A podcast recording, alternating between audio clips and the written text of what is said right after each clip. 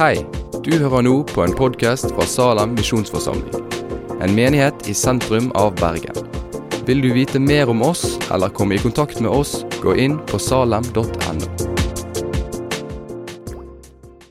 Tanken med den serien er at vi har gått gjennom noen av attributtene eller egenskapene ved Gud. Og Vi skal fortsette i denne serien i dag. Uh, og Dere hørte kanskje temaet, men det er vanskelig å huske, for det er jo en hel setning denne gangen. Men temaet er altså Gud bor i det høye og hellige og hos dem som er knust og nedbøyd i ånden. Og Så er det jo òg bots- og bededag, eller bots- og bønnedag, denne søndagen. Og det er litt bevisst at vi har valgt dette temaet til denne søndagen. fordi som Bodil sa, så passer de tingene ganske godt sammen.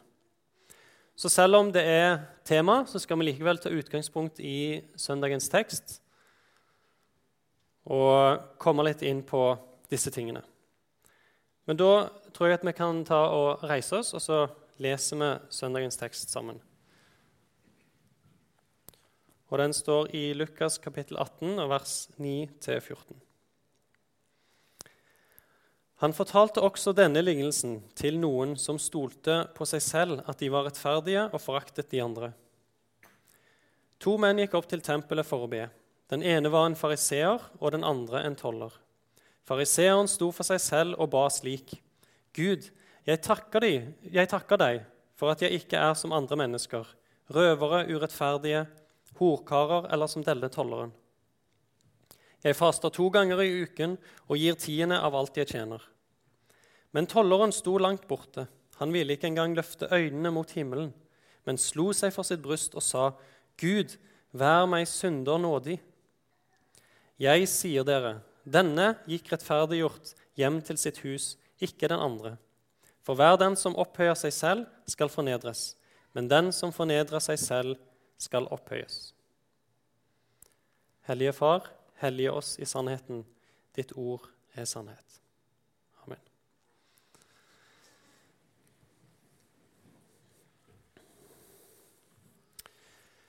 Så Jesus forteller en lignelse om en eh, toller og om en fariseer. Og Fariseerne var skriftlærde. De var eh, fromme, religiøse mennesker, og de ønska å holde loven.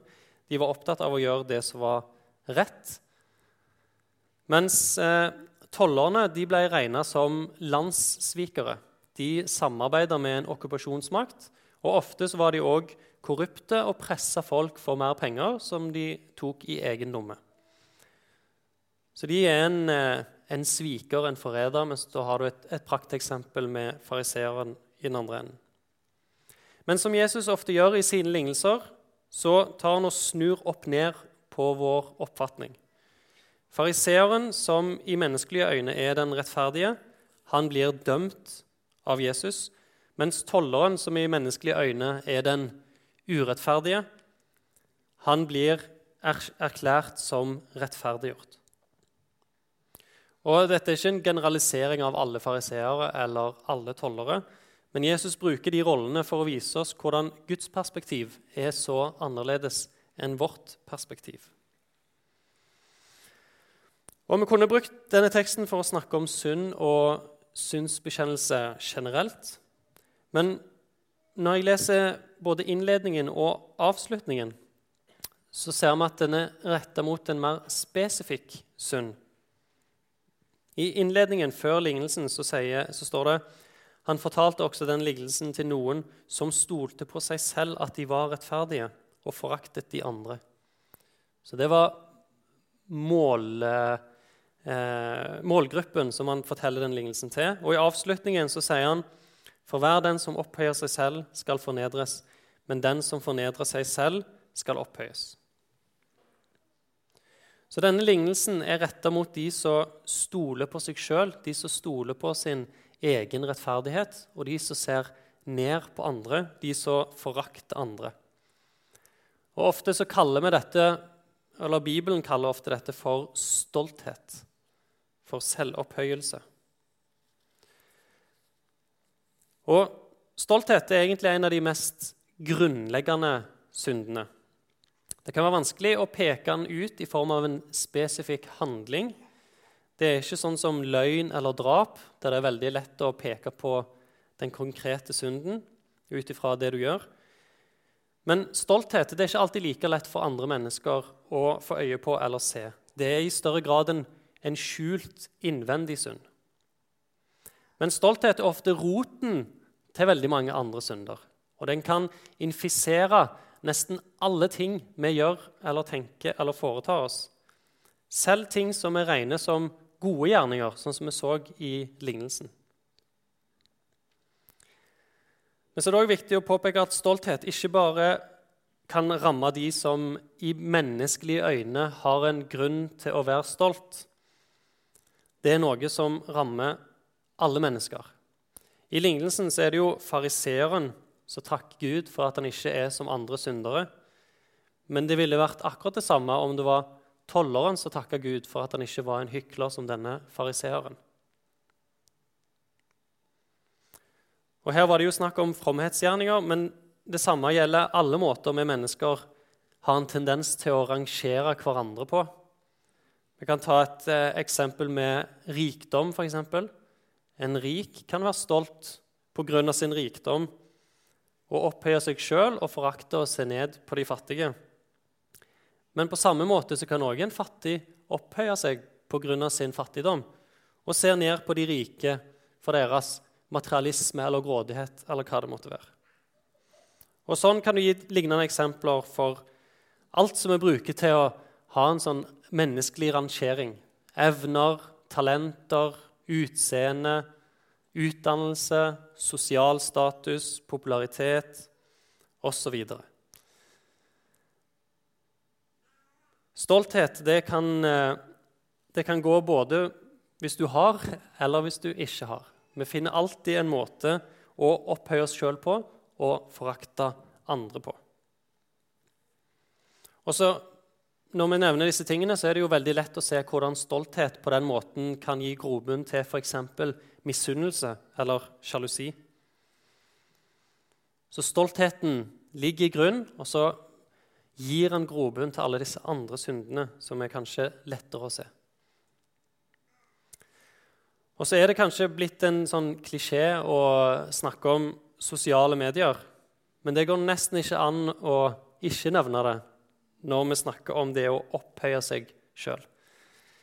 Eh, for sosiale medier har jo nesten utviklet seg til å bli en sånn definisjon av selvopphøyelse. Vi viser fram et bilde av oss sjøl, enten et glansbilde eller et eh, stakkarslig bilde, for å få positiv tilbakemelding. Og Selv om vi viser godhet og deler likes, så er det jo kanskje altfor ofte fordi vi ønsker den samme responsen tilbake. Vi gir likes fordi vi vil jo helst få likes tilbake. Og med en gang folk får lov til å være litt anonym på nettet, så ser du veldig tydelig forakten for andre mennesker komme til syne. Ting som du kanskje tidligere bare tenkte, kan du nå proklamere for hele verden. Så Dette er jo bare noen eksempler på hvordan vi opphøyer oss sjøl. Og vi kan gjerne kjenne igjen hvor stoltheten gir seg til syne i våre egne liv. Men som mennesker så har vi nok lett for å tenke på dette med å opphøye seg sjøl med stolthet som kanskje mindre alvorlig sammenligna med andre synder. Det er jo ikke bra, men det er jo ikke så ille heller. Du kan si det er nærmest en offerløs synd. Men derfor kan det være litt overraskende å se hvor alvorlig Gud ser på dette med stolthet og det å opphøye seg sjøl. Vi skal ta og lese litt forskjellige bibelvers som trekker fram hvordan Gud ser på dette. Og Den første det er i Ordspråkene 6. Det er en litt sånn kjent liste der det blir lista ting Gud hater. Og I den listen så finner vi òg stoltheten. Jeg kan lese Ordspråken 6, 16-19. Seks ting er det Herren hater Sju ting er en styggedom for hans sjel. Stolte øyne, falsk tunge og hender som utløser uskyldig blod. Et hjerte som legger onde planer, føtter som haster til det som er ondt, et falskt vitne som taler løgn, og den som volder strid mellom brødre. Så stolte øyne blir nevnt som noe Gud hater, som en styggedom for hans sjel. Og Det blir jo nevnt i samme lista som andre ting som vi kanskje ville sagt på som mye mer alvorlige synder. Men dette er ikke en, en bagatell for Gud. Vi kan ta og lese et annet vers i ordspråkene, i kapittel 29. Et menneskes stolthet fører ham til fall, men den ydmyke vinner ære. Og Det ser vi veldig mange ganger, at stolthet er ofte knytta opp mot fall eller det å fornekte Gud og fornekte evangeliet og nåden. Jeg skal lese noen vers i Isaiah 2. Menneskets stolte øyne blir ydmyket. Menneskenes stolthet blir bøyd, og Herren alene er høy på den dag. For Herren, herskarenes Gud, har satt en dag til dom over alt stolt og høyt, og overalt opphøyet, så det blir ydmyket. Hvis vi beveger oss til Nytestamentet, så har vi eh, et kjent vers som vi finner flere plasser, men vi kan lese den i Matteus 23. Den som opphøyer seg selv, skal fornedres, og den som fornedrer seg selv, skal opphøyes. Og så Siste verset som vi skal lese nå, er i Jakob 4. Men desto større er nåden han gir. Derfor sier Skriften.: Gud står de stolte imot, men de ydmyke gir han nåde.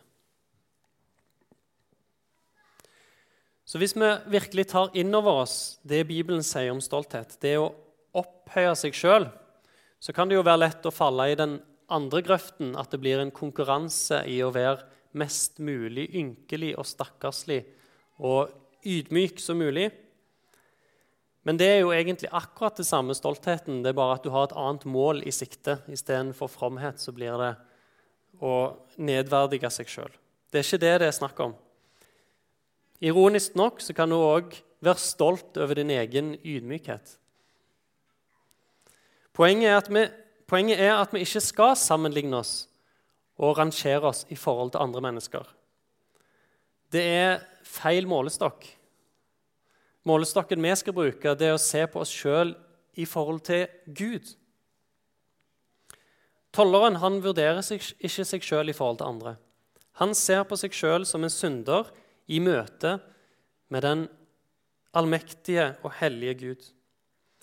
Mens fariseeren takker Gud for at han ikke er som andre mennesker. Men poenget er at i Guds øyne så er det ingen forskjell. For alle har synda og står uten ære for Gud. Og vi trenger alle den samme nåden for å bli frelst.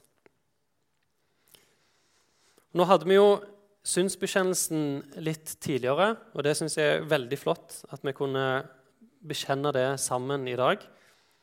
Og En av lesetekstene i dag det er noen kjente vers i 1. Johannes brev. Og vi skal ta og lese de òg, i 1. Johannes 8. Dersom vi sier at vi ikke har synd, da bedrar vi oss selv, og sannheten er ikke i oss. Dersom vi bekjenner våre synder, er han trofast og rettferdig, så han forlater oss syndene og renser oss fra all urettferdighet.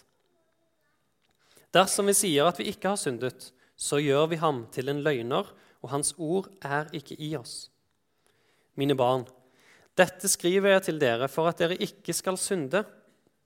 Og hvis noen synder, har vi en talsmann hos Faderen, Jesus Kristus den rettferdige, og han er en soning for våre synder og det er ikke bare for våre, men også for hele verdens.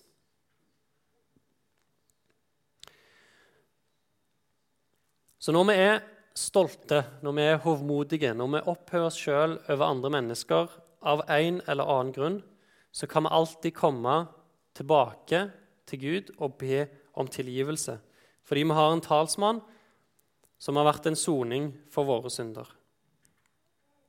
Men det som henger sammen med med en bønn om tilgivelse, det er òg omvendelse, eller det som før kaller for bot.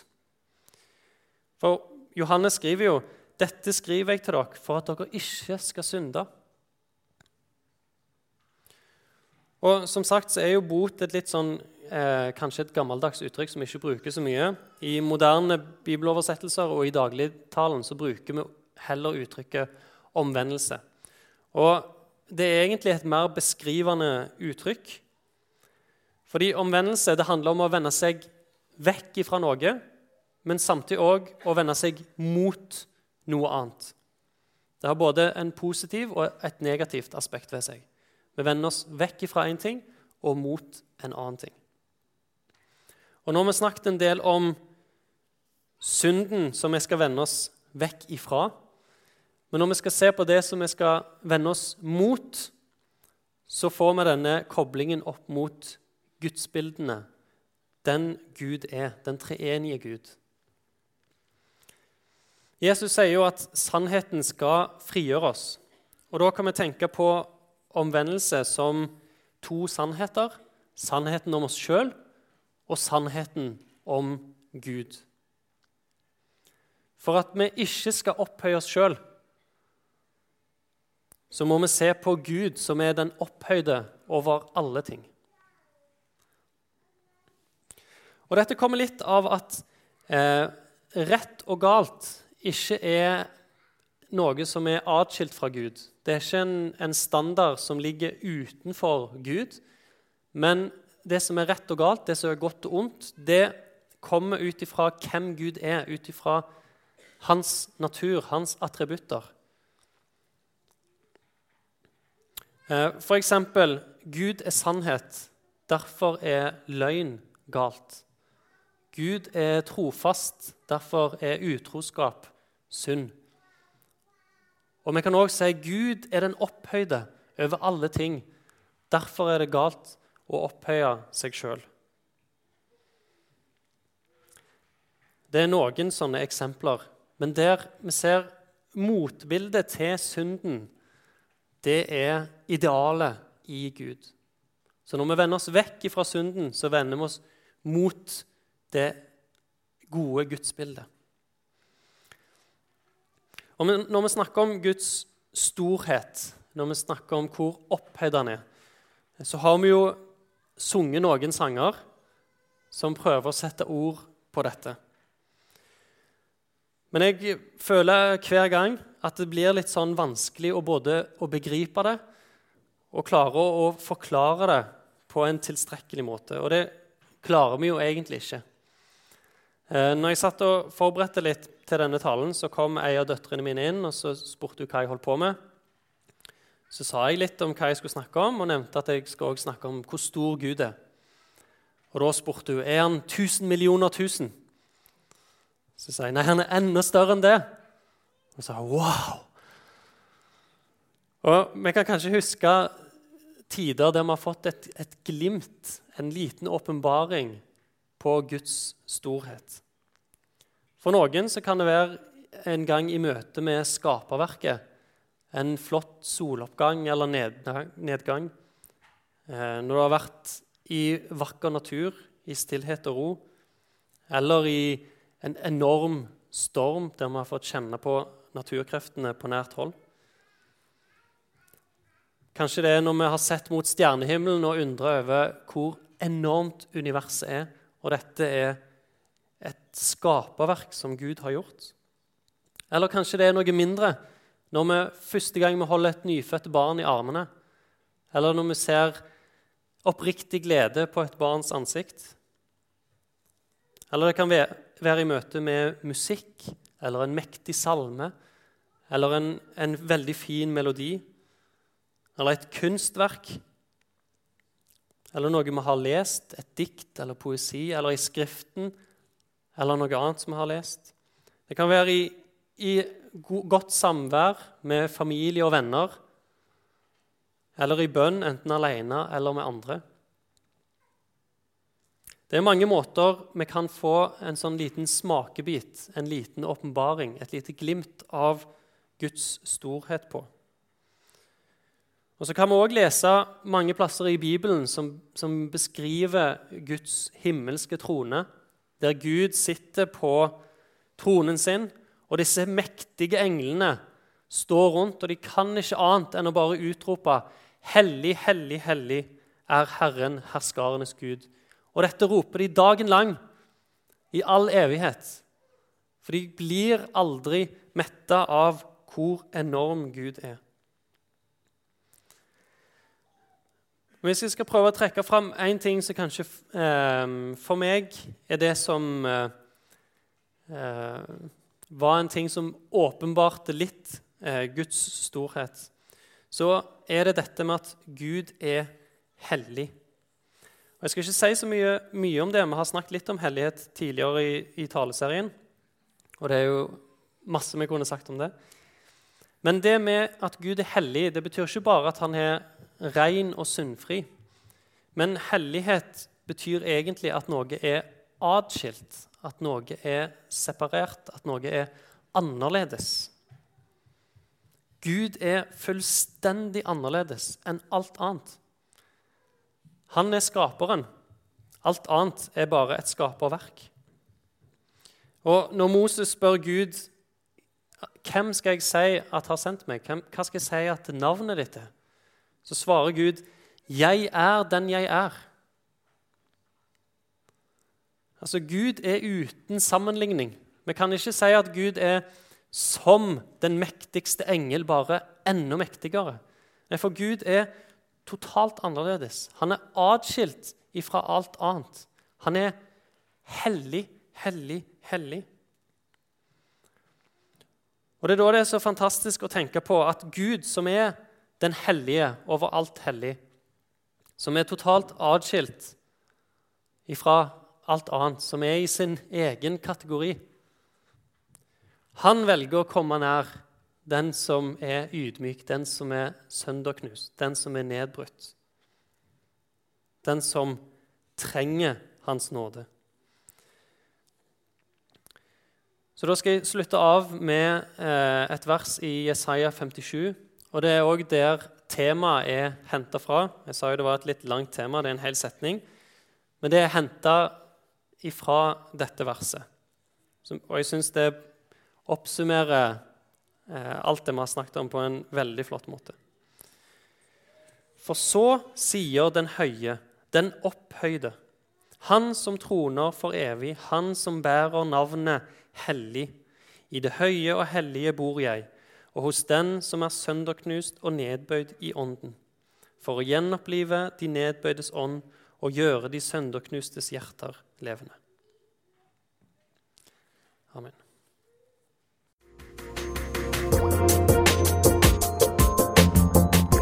Takk for at du har hørt på podkasten fra Salem, Bergen. I Salem vil vi vokse i et stadig dypere fellesskap med Gud og med hverandre. Vi vil være Jesu hender og føtter, og vi vil være med og forkynne frelse for Bergen og resten av verden. Besøk oss gjerne på salem.no om du vil vite mer.